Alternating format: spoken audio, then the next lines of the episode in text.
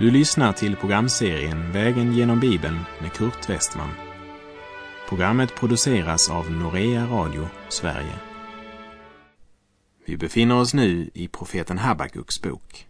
Slå gärna upp din bibel och följ med. Vi har kommit till det andra kapitlet hos profeten Habakuk. Herren har beskrivit kaldéerna, den världsmakt Herren låtit växa fram och som Gud ska använda som redskap för att fälla domen över den stora staden Nineve. Men Habakuk har svårt att förstå Guds handlingssätt eftersom kaldéerna var lika brutala, onda och ogudaktiga som Nineves folk. Hur kunde Gud använda ett så hjärtlöst och brutalt folk? Men Gud besvarade Habakuks fråga och Habakuk låter sig nöja med det svaret, även om han nog inte riktigt förstår det. Han inser i alla fall att svaren är det Gud som har, Gud och ingen annan. Kära vän som lyssnar, om du har frågor, svåra, allvarliga frågor och känner frustration. Försök inte dölja ditt problem bakom några fromma fraser som bara är ord för dig. Bär din förtvivlan, din frustration och dina varför till Gud. Jag har så ofta hört människor säga, jag litar på Gud, fast de inte alls litar på honom utan är fulla av djupa varför. Det är inte synd att bära sina frågor till Gud.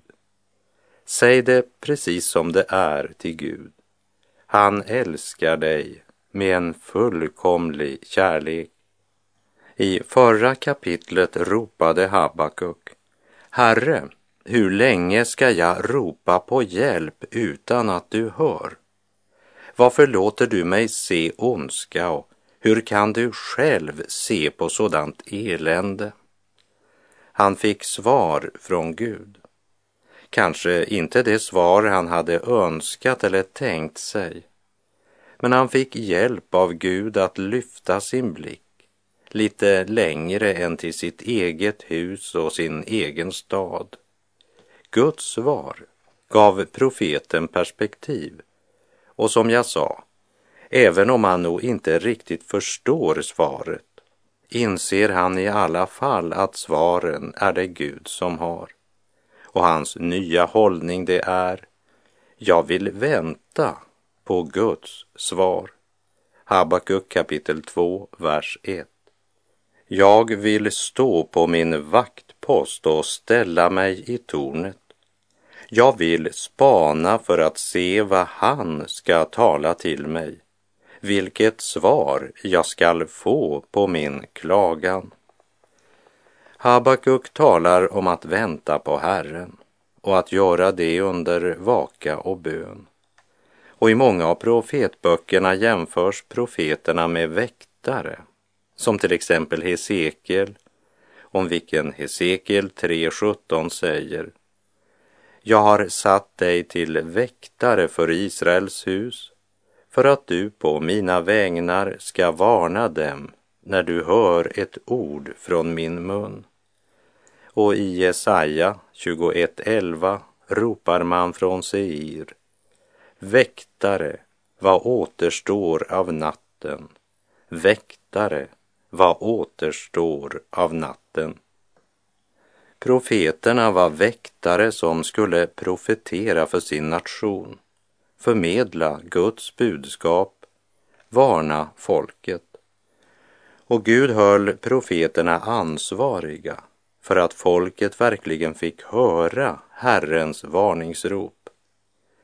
I en stad omgiven av murar så var väktaren en som skulle spana efter fiender och slå larm när fienden närmade sig. Och om han var en trofast och pålitlig väktare var staden trygg.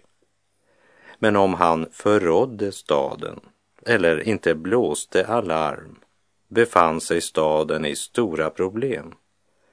Och nu säger Habakuk, Guds profet, att han ska ställa sig i tornet. Han vill spana för att se vad Gud ska tala. Han väntar på ett budskap från Herren. Han vill vänta, bida och vaka. För han vet att Herren har ett svar och han kommer att svara i den tid som han har fastställt i sitt gudomliga rådslut.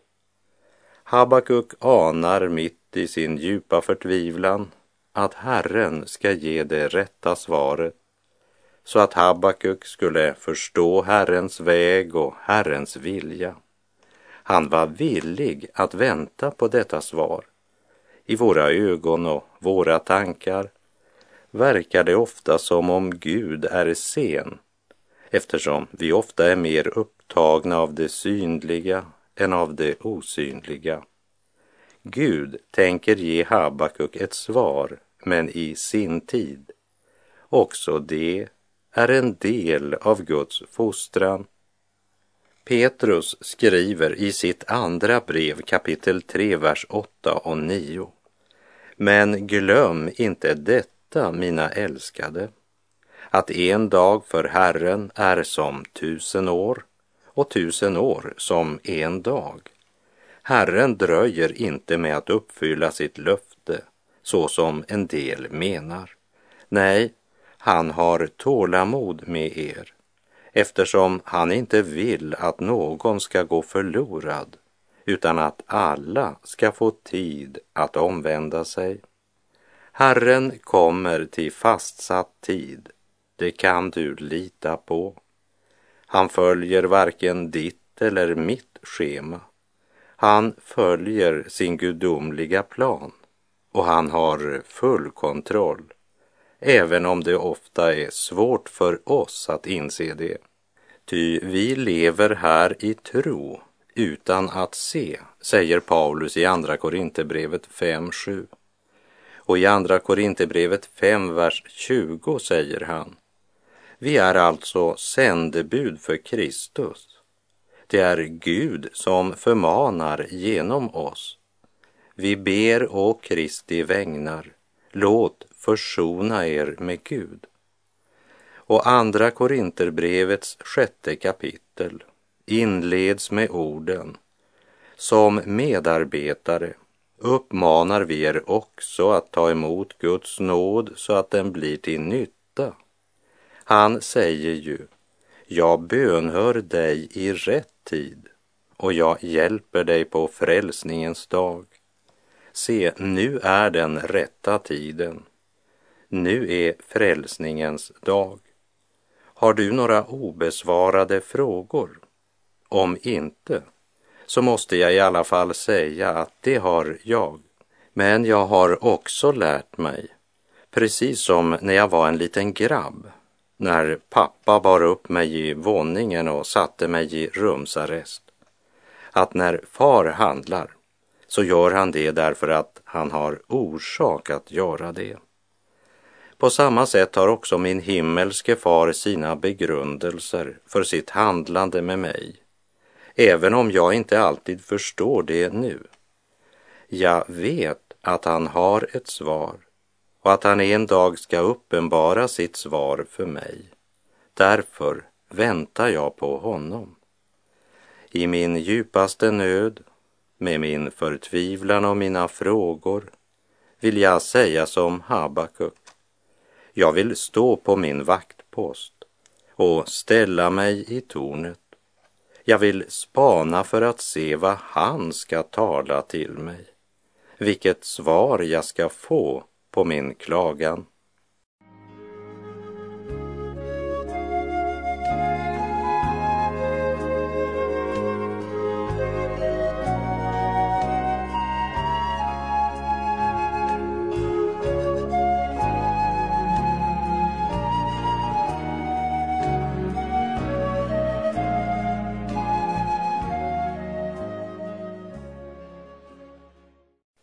Vi läser Habakuk kapitel 2, vers 2 och 3.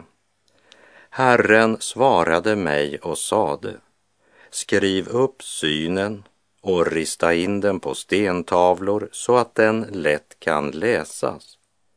Ty ännu måste synen vänta på sin tid, men den skyndar mot sin fullbordan och ljuger inte. Om den dröjer, vänta på den, ty den kommer helt visst. Den skall inte utebli. Det är som jag hörde Herren säga, skriv upp synen så att de som lever på 2000-talet, speciellt den där Westman som har så många frågor, och här tänkte han också på dig. Skriv upp synen så att de har ett svar från mig under den tid då de ska vandra i tro. Så att den lätt kan läsas, stod det. Det vill säga, den ska göras lätt tillgänglig för folket. Budskapet gällde hela folket. Och det profetiska budskapet det är aktuellt så länge jorden står.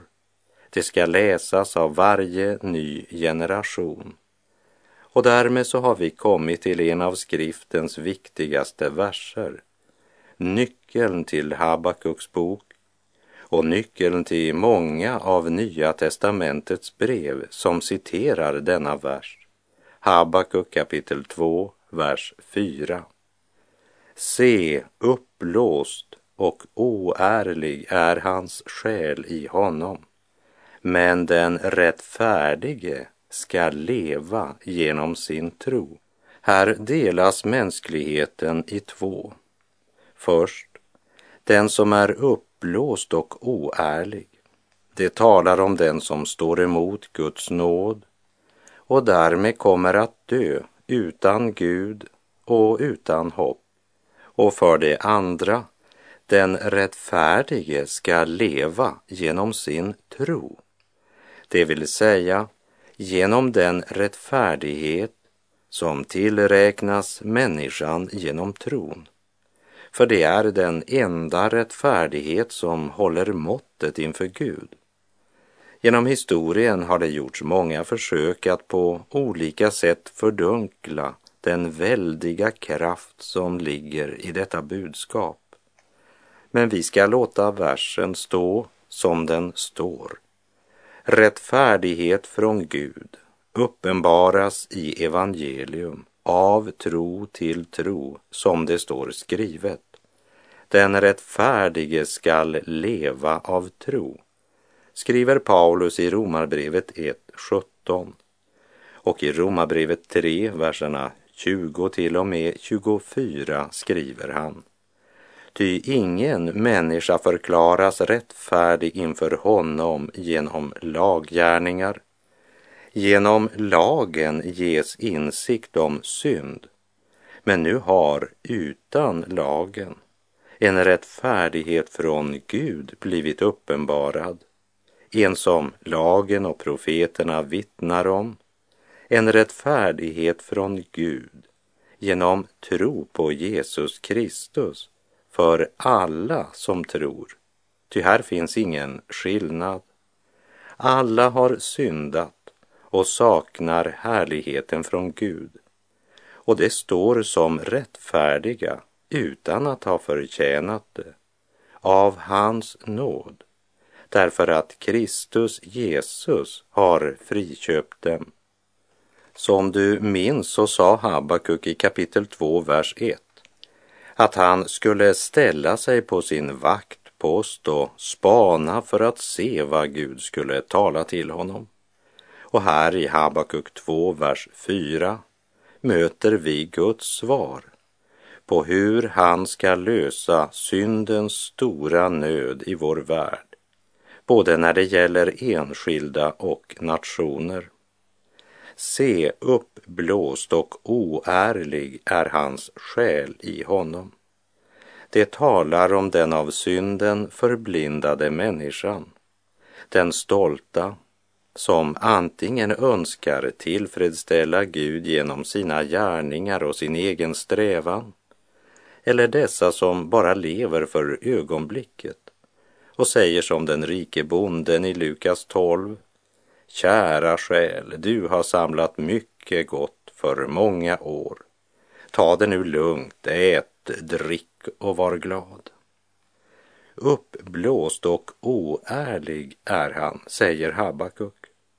Eller som det står i Ordspråksboken 14, vers 12. Mången håller sin väg för den rätta, men till sist leder den dock till döden. Och Ordspråksboken 14, vers 16. Den vise tar sig till vara och flyr det onda, men dåren är övermodig och sorglös. Se uppblåst och oärlig är hans själ i honom, men den rättfärdige skall leva genom sin tro.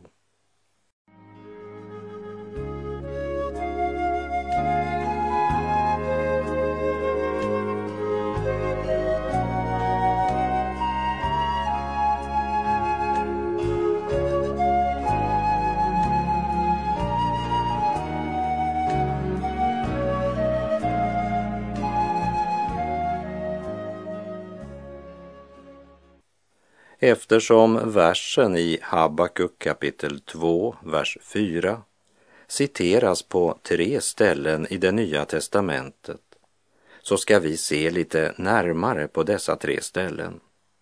I Romarbrevet fokuseras på rättfärdiggörelsen genom tron, det vill säga på frälsningen. Romarbrevet 1, vers 16 och 17 jag skäms inte för evangelium. Det är en Guds kraft som frälser var och en som tror. Först juden och sedan greken. Rättfärdighet från Gud uppenbaras i evangelium av tro till tro, som det står skrivet. Den rättfärdige skall leva av tro. Den som blivit rättfärdiggjord genom tron ska också fortsätta att leva genom tron. I Galaterbrevet finner vi citatet återgivet på följande sätt i Galaterbrevet 3, vers 11. Att ingen förklaras rättfärdig inför Gud genom lagen är uppenbart eftersom den rättfärdige ska leva av tro. Här fokuseras på en annan sida av denna underbara sanning. För i Galaterbrevet 2, vers 19 och 20 så finner vi följande ord. Ty jag har genom lagen dött bort från lagen för att jag ska leva för Gud. Jag är korsfäst med Kristus och nu lever inte längre jag, utan Kristus lever i mig. Och det liv jag nu lever i min kropp, det lever jag i tron på Guds son som har älskat mig och utgivit sig för mig. Medan Romarbrevet fokuserade på rättfärdiggörelsen genom tron till frälsning så talas i Galaterbrevet inte bara om den tro som frälsar, men om den tro genom vilken du ska leva hela livet. I Hebreerbrevet citeras Habakuk 2.4 så här i Hebreerbrevet 10, vers 38. Min rättfärdige skall leva av tro och vidare men om han drar sig undan finner min själ ingen glädje i honom. I Hebreerbrevet ligger fokus på leva. Och i kapitlet som följer, Hebreerbrevet 11, får vi höra många exempel på människor som levde i tro i vardagen. Hela deras liv genomsyrades av tron. Det vill säga, av en övertygelse om det man hoppas, en visshet om det man inte ser. När Habakuk blickade mot framtiden var hela hans hjärta ett enda stort varför, medan vi står i den fördelaktiga position att vi kan blicka tillbaka i historien och se Guds svar på Habakuks fråga. Gud sände sitt eget folk i fångenskap därför att det var det enda sätt på vilket Herren kunde komma till tals med det folk som höll på att gå under i synd, hat och ondska.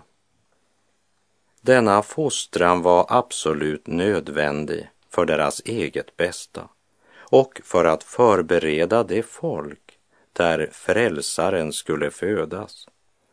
Genom detta blev det möjligt att sända världens frälsare när tiden var inne.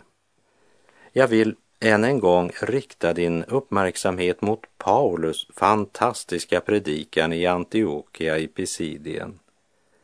Jag citerar Apostlagärningarna 13, verserna 37 till och med 41. Men den som Gud uppväckte har inte sett förgängelsen. Därför ska ni veta, mina bröder, att det är genom honom som syndernas förlåtelse predikas för er och att var och en som tror förklaras rättfärdig i honom och fri från allt som ni inte kunde befrias från genom Mose lag. Se därför till att det som är sagt hos profeterna inte drabbar er. Se, ni föraktare, häpna och gå under. En gärning utför jag i era dagar, en gärning som ni aldrig kommer att tro när man berättar den för er. Därför pekar Paulus så bestämt på den enda vägen till Gud, nämligen tron. Paulus budskap är, jag meddelade er det allra viktigaste, vad jag själv hade tagit emot, att Kristus stod för våra synder enligt skrifterna, att han blev begravd, att han uppstod på tredje dagen enligt skrifterna, som det står i Första Korinthierbrevet 15, vers 3 och 4. Och vad skall vi då göra? Vi ska ta emot honom som vår frälsare och vandra genom tron, inte genom lagen. Jag blir upprörd när jag hör alla dessa som idag försöker föra det troende tillbaka under de tio buden igen eller under något annat regelverk som de har utarbetat. Då är det gott att höra Paulus ord om syndernas förlåtelse och att var och en som tror förklaras rättfärdig i honom och fri från allt som vi inte kunde befrias från genom Mose lag. Habakuk var trons man. Han sa, jag vill stå på min vakt och spana för att se vad Gud ska tala till mig. Jag litar på honom som har svaren, för utan tro är det omöjligt att behaga Gud. Ty den som kommer till Gud måste tro att han är till och belönar dem som söker honom, som det står i Hebreerbrevet 11.6. Habakuk pekar på de två vägar som öppnats för människan. Herren Jesus uttryckte det så här. Gå in genom den trånga porten. Ty den port är vid och den väg är bred som leder till fördärvet och det är många som går fram på den. Och den port är trång och den väg är smal som leder till livet och det är få som finner den.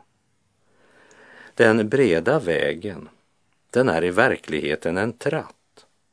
Den är oerhört vid vid ingången men smalnar efterhand tills den som vandrar där kläms ihop och krossas. Det är situationen för den som vänder Gud ryggen och lever i synd. Medan den smala vägen eller den trånga porten, det är också att gå in i en tratt, men med den skillnaden att den är smalast vid ingången. Jesus Kristus säger, jag är vägen, sanningen och livet. Ingen kommer till Fadern utom genom mig. Ingången har smalnat till en person.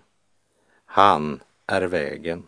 Han inte bara visar vägen, men han är vägen. Den som har sonen har livet. Den som inte har Guds son har inte livet, skriver Johannes i sitt första brev kapitel 5. Antingen så har du Kristus eller också har du honom inte.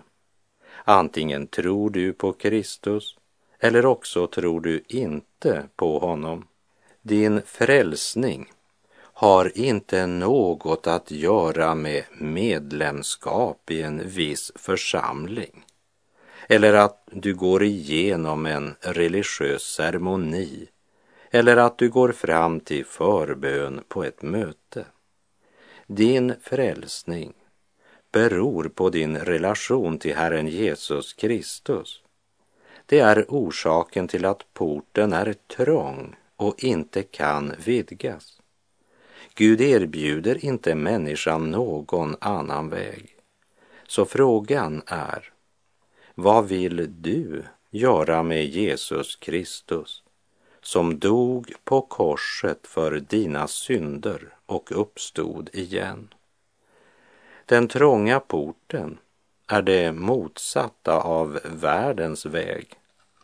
För porten är trång, men den som väl kommer in på denna livets väg ska finna den eviga bredden den eviga höjden och djupet. Jesus säger, jag har kommit för att det ska ha liv, ja, liv i överflöd. Det finns en port som öppen står till Kristi nåderike och från hans kors ett budskap går om kärlek utan like.